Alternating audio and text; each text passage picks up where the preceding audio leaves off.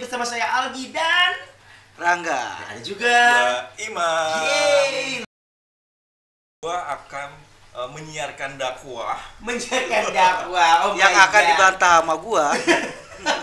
mulai dari pelajaran fikih Madu. sampai ke pemandian jenazah. Berat ya Pak. Kalau misalnya Seorang Rangga. kasusnya Imam dikatain goblok sama Bu Wiwi, selangkangan gua pernah ditarik-tarik, Mas.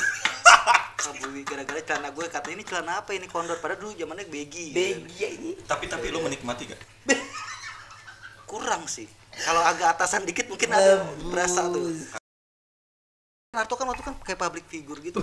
Eh, public figure dan public enemy di, di sekolahan. Jadi masih Arto itu waktu SMA kayak Gofar Hilman lah. Gofar Ilman loh. Cuma bedanya dia belum pernah ngewe sih. Eh, jangan salah lo. sampai sekarang dia punya anak juga nggak ngewe. Disuntik. Itu anak apaan? Dari Tuhan langsung.